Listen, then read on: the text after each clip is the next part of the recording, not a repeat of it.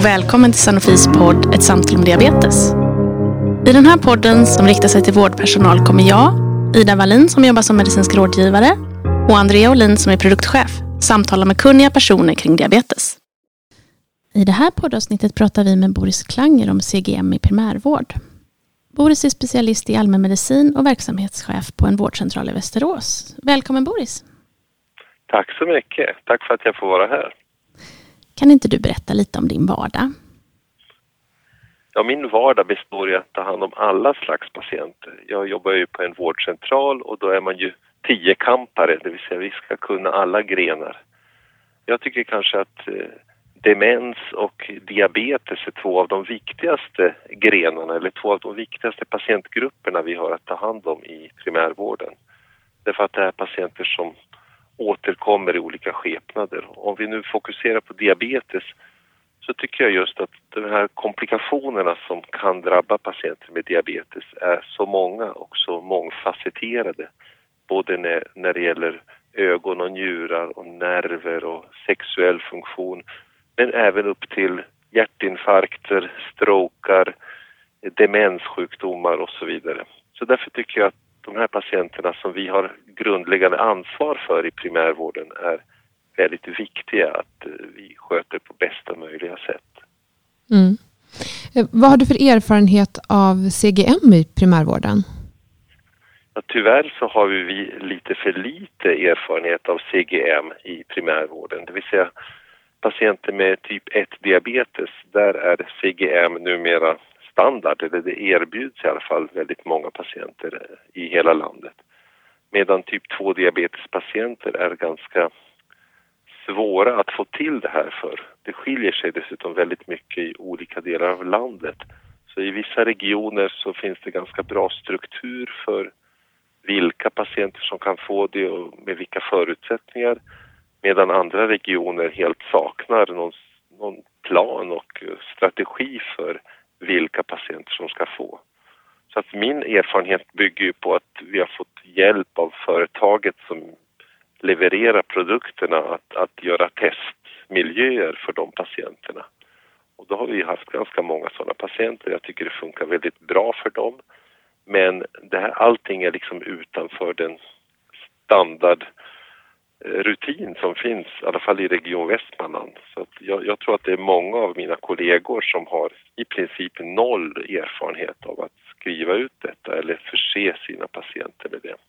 Och det stör mig ganska mycket att det behöver vara speciella vårdcentraler eller väldigt extra intresserade läkare som, som gör att vissa patienter kan få tillgång till det här och andra inte. Men hur använder ni eh, kontinuerlig glukosmätning eller CGM och vilka patienter tycker du att vården ska erbjuda eh, den här tekniken till? Jag tycker att vården borde erbjuda det här i princip till alla. Alla patienter med typ 2-diabetes. Och typ 1-diabetes förstås. Jag förstår ju att det här är en kostnadsfråga att eh, alla typ 2-diabetespatienter alltid ska kunna ha CGM. Det kanske är en utopi, vi är inte riktigt där än. Vi är inte ett så rikt land skulle man lite ironiskt kunna säga. Jag tycker kanske vi är det, men om vi nu försöker hålla ner kostnaderna så behöver man antingen hitta de patienter som har störst nytta av det. Och det har ju Socialstyrelsen och Medicinsk-tekniska rådet har ju försökt att identifiera de patientgrupper som, är, som har mest nytta av detta. Och det är ju patienter med högt HbA1c, alltså de som ligger sämst eh, kontrollerade eller de som har upprepade och svåra hypoglykemier eller de som svänger väldigt mycket. Eh, men även de patienterna får ju inte alltid tillgång till CGM i dagens Sverige i väldigt många regioner. Men min idealbild skulle ju vara, som jag sa, att alla patienter skulle få det här. Och då tänker jag att det är realistiskt om man kanske får det under en period per år i alla fall. Och då skulle vi faktiskt få ner kostnaden till en tolftedel om vi säger att alla får det här en månad per år. Jag tycker att en patient som nydebuterad diabetes som får en sån här mätare på sig och vet vad som händer över dygnet har ju en helt annan möjlighet till förståelse för sin sjukdom än om man inte vet detta. Till exempel, vad händer under natten? Vad händer om jag tar en snabb promenad? Vad händer om jag äter en macka istället för en sallad? Vad händer om jag dricker juice? Vad händer om jag äter en pizza? Alltså den kunskapen som det ger patienten bär man ju sen med sig hela livet. Och att få den upprepad kanske en gång per år skulle jag tycka var ett realistiskt sätt att ge ändå CGM möjligheten till alla patienter. Men jättespännande, så du tänker liksom oavsett vad man har för glukossänkande behandling, även liksom om man till och med bara är kostbehandlad? Så tycker jag verkligen. Det är ju få patienter som är kostbehandlade nu för tiden. Vi ska i princip inte ha den behandlingen, men nästan alla patienter eh, bör ju få behandling med åtminstone Metformin och gärna något annat. Speciellt om de har riskfaktorer så bör man ge dem även SGLT2-hämmare eller GLP-1-analog. Och eh, i princip alla de patienterna, även om man inte har hög risk för hypoglykemier med sådana preparat, så har man en stor nytta av att känna till vad som händer i kroppen när man äter eller när man rör sig. Så att, att veta vad ens glukoskurva gör under dygnet är väldigt värdefull kunskap, både för patienten och för, för sjukvården. Vi brukar ju också tillåta de som inte har CGM att man får lite teststickor just för att ha lite känsla för vad som sker i kroppen. Men det här är så mycket bättre än teststickor. Det känns ju som att det finns en rad fördelar. Eh, men finns det några nackdelar som du ser det med att använda CGM i primärvården? Nej, det är bara ekonomin som är nackdel. Det vill säga om alla skulle ha det jämnt så blir det en ganska stor kostnad för samhället, för sjukvården.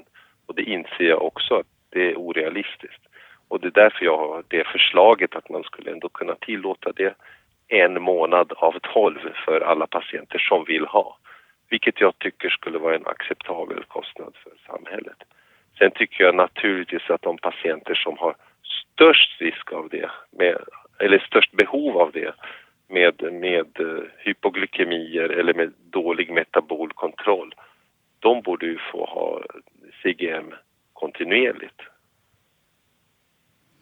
Men någon nackdel annat än ekonomin ser jag verkligen inte. Det här är ju en, en, säga, ett utvärder, en utvärdering av diabetessjukdomen som rekommenderas av alla internationella diabetesorganisationer som komplement till vanlig glukosmätning och till HbA1c.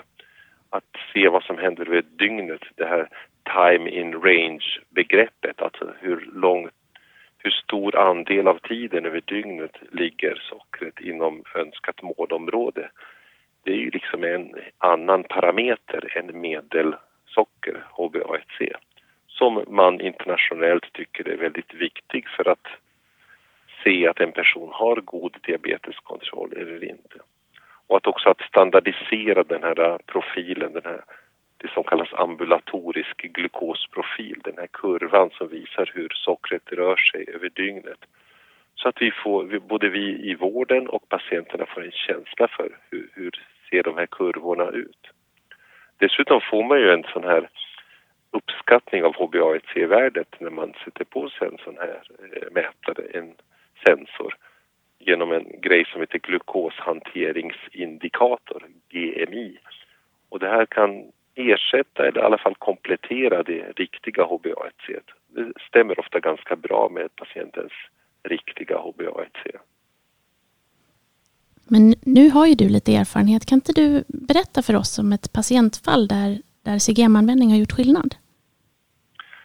Ja, det skulle kunna göra. Jag tar ett avidentifierat fall så patienten heter egentligen inte det jag säger. Men om vi har Kiki här som är 57 år en patient som har eh, lite psykiska diagnoser. Hon har bipolär sjukdom, ADHD och i övrigt har hon hypotyreos. Eh, hon äter mycket på natten, hon motionerar inte, hon har ganska kraftig fetma med BMI på 40. Hon fick sin diabetesdiagnos för 18 år sedan.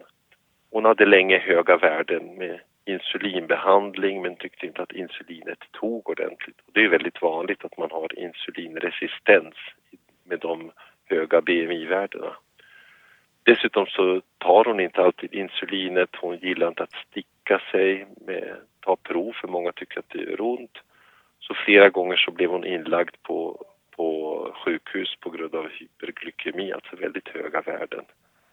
Hon mår inte bra förstås, alltid trött, hon har fått nervskador, tandlossning, så det är en ganska risig patient.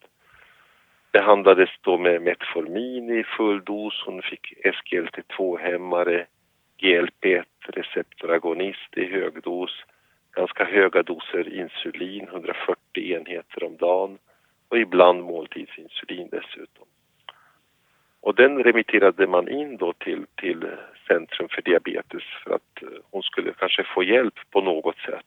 HbA1c var då helt urspårat på 109. Hon fick ett ordentligt besök där och eh, man fick efter ett tag ner HbA1c till 91, så lite bättre men fortfarande ganska dåligt. Men eh, hon godkändes inte för eh, CGM-mätare på grund av att hon inte använde bas eller måltidsinsulin tillräckligt mycket. Så istället så trappade man, trappade man upp eh, basinsulindosen ännu mer. För det är ju det som är jobbigt med de här begränsningarna för vilka patienter som ska få, få ha det här att man ska ha både basinsulin och måltidsinsulin. Och hon hade inte måltidsinsulin så därför blev det nej. Och eh, ja, efter tre månader då hade HbA1c stigit upp ändå till 104 och då skickade vi en ny remiss till Centrum för diabetes och då hade hon uppe i 180 enheter eh, insulin och dessutom så satte hon då på regelbundet måltidsinsulin för att kanske ändå kunna få tillstånd det här. Och då accepterades hon för CGM-mätare och efter bara tre månader så hade hennes liksom, kunskap eh, lett till att HbA1c hade sjunkit till 69 och efter ett år hade det sjunkit till 54. Och nu har det gått två år och nu är det nere på 48.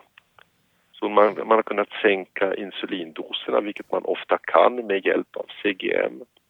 Hon är nere på 140 enheter insulin. Det är fortfarande mycket insulin, men det är i alla fall klart mindre än förut. Och hon har måltidsinsulin bara halva dosen jämfört med tidigare, 10 enheter gånger 3. Hon har ju slutat äta på nätterna, känner sig allmänt piggare och orkar med sitt liv bättre. Så det är ett exempel på en patient där man i princip kunnat normalisera hennes HbA1c. Jag kan nog säga att det är tack vare den här eh, sensorn som hon fick ha.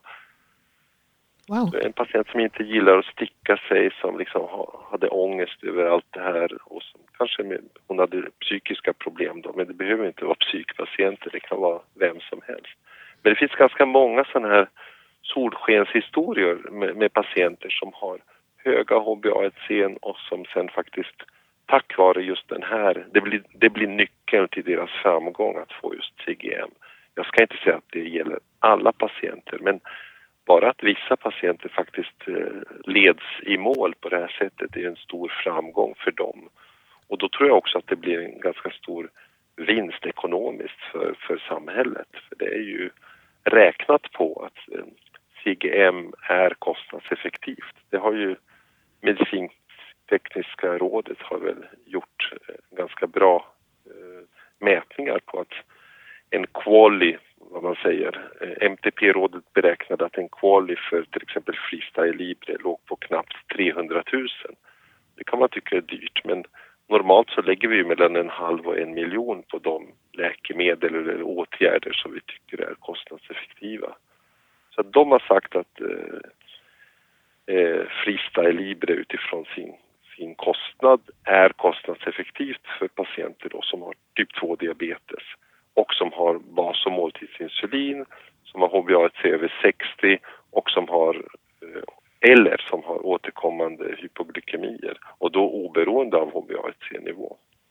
En fantastisk att, eh, historia. Viktig aspekt också med, med kostnaden. Men om man, om man går tillbaka till patienten så, så tänker jag att påverkades hennes eh, följsamhet till behandling av att hon fick tillgång till att se hur det såg ut? Eller var det bara en, liksom, eller vad tror du hon förändrade i sitt liv?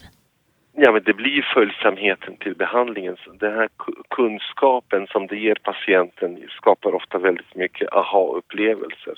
Det har jag sett på mina patienter och då även de som egentligen inte enligt MTP-rådet och Socialstyrelsen och så vidare ska ha den här mätaren utan vi har ju fått testa det då även på nyinsjuknade och kunskapen som de får av det här är så värdefull, det säger de unisont, alla patienterna. Att det, var, det är inte bara att det är skönt att slippa sticka sig, det är klart det, det är väl bra. Men just den här äh, känslan att bli delaktiga i sin diabetes och tar hand om den på ett mycket bättre sätt som jag tycker är verkar vara det som är nyckeln för många. Att det, är som, det som förbättrar läget. Mm. Mm, verkligen. Har, har, du sett andra följder av användningen av CGM? Och då tänker jag till exempel val av preparat och måluppfyllelse och så. Ja, det är väl så att ibland så ser man att det är stora variationer i sockret. Framförallt hypoglykemier beror ju på att patienterna har eh, höga doser, framförallt mixinsulin eller NPH-insulin. Nu använder inte vi mycket mixinsulin längre men en del patienter har NPH-insulin och där är det en större variabilitet med det insulinet. Dels på grund av insulinet i sig men också för att det inte alltid handhas rätt. Det vill säga folk som har det eller folk som ger det till patienter, om det nu är personal, glömmer ibland att blanda insulinet ordentligt. Så att det sedimenterar ju ner på botten och måste vändas 15-20 gånger för att det ska bli jämnt fördelat i sprutan så att säga. Om man inte gör det så får man en stor variation med risk att man får lite för stark eller lite för svag del av sedimentet så att säga. Och eh, då kan det vara värt att eh, byta till långverkande insulinanaloger. Även om de är lite dyrare så blir det ju mindre variationer för patienter. Värdena blir stabilare. Så det är någonting som man har sett och som vi ser ibland att patienter som svänger blir stabilare när, när man byter från NPH-insulin till långverkande insulinanaloger. Eh, tack. Eh, om du fick önska liksom lite framåt när det gäller eh, kontinuerlig glukosmätning just för primärvårdspatienten, vad skulle du önska då? Min önskan är att eh, det ska inte vara så svårt att få till det. Jag tycker att om läkaren och diabetessköterskan i primärvården bedömer att den här patienten är krånglig på något sätt, svänger mycket, har svårt att få bra HbA1c, har eh, insulindoseringar med måltidsinsulin och basinsulin som ja, är optimerade så gott det går. Då ska det inte vara så svårt att få till en kontinuerlig glukosmätare för en patient. Jag tycker att så dyrt är det ändå inte jämfört med väldigt mycket annat vi gör i vården. Så att satsa lite extra på de här svåraste patienterna där risken just för komplikationer och både dyra hypoglykemier men även för är ganska stor. Då tycker jag verkligen att eh, Sverige och våra regioner borde ha en bra strategi för det här. Ett annat önskemål är att det inte ska vara så stor skillnad mellan olika regioner. Det finns ju regioner där det är ganska lätt att få till det här för utvalda patientgrupper och andra regioner där det i princip är omöjligt, där man lägger kostnaden antingen helt och hållet på vårdcentralen, vilket blir helt orimligt, eller i värsta fall på patienten.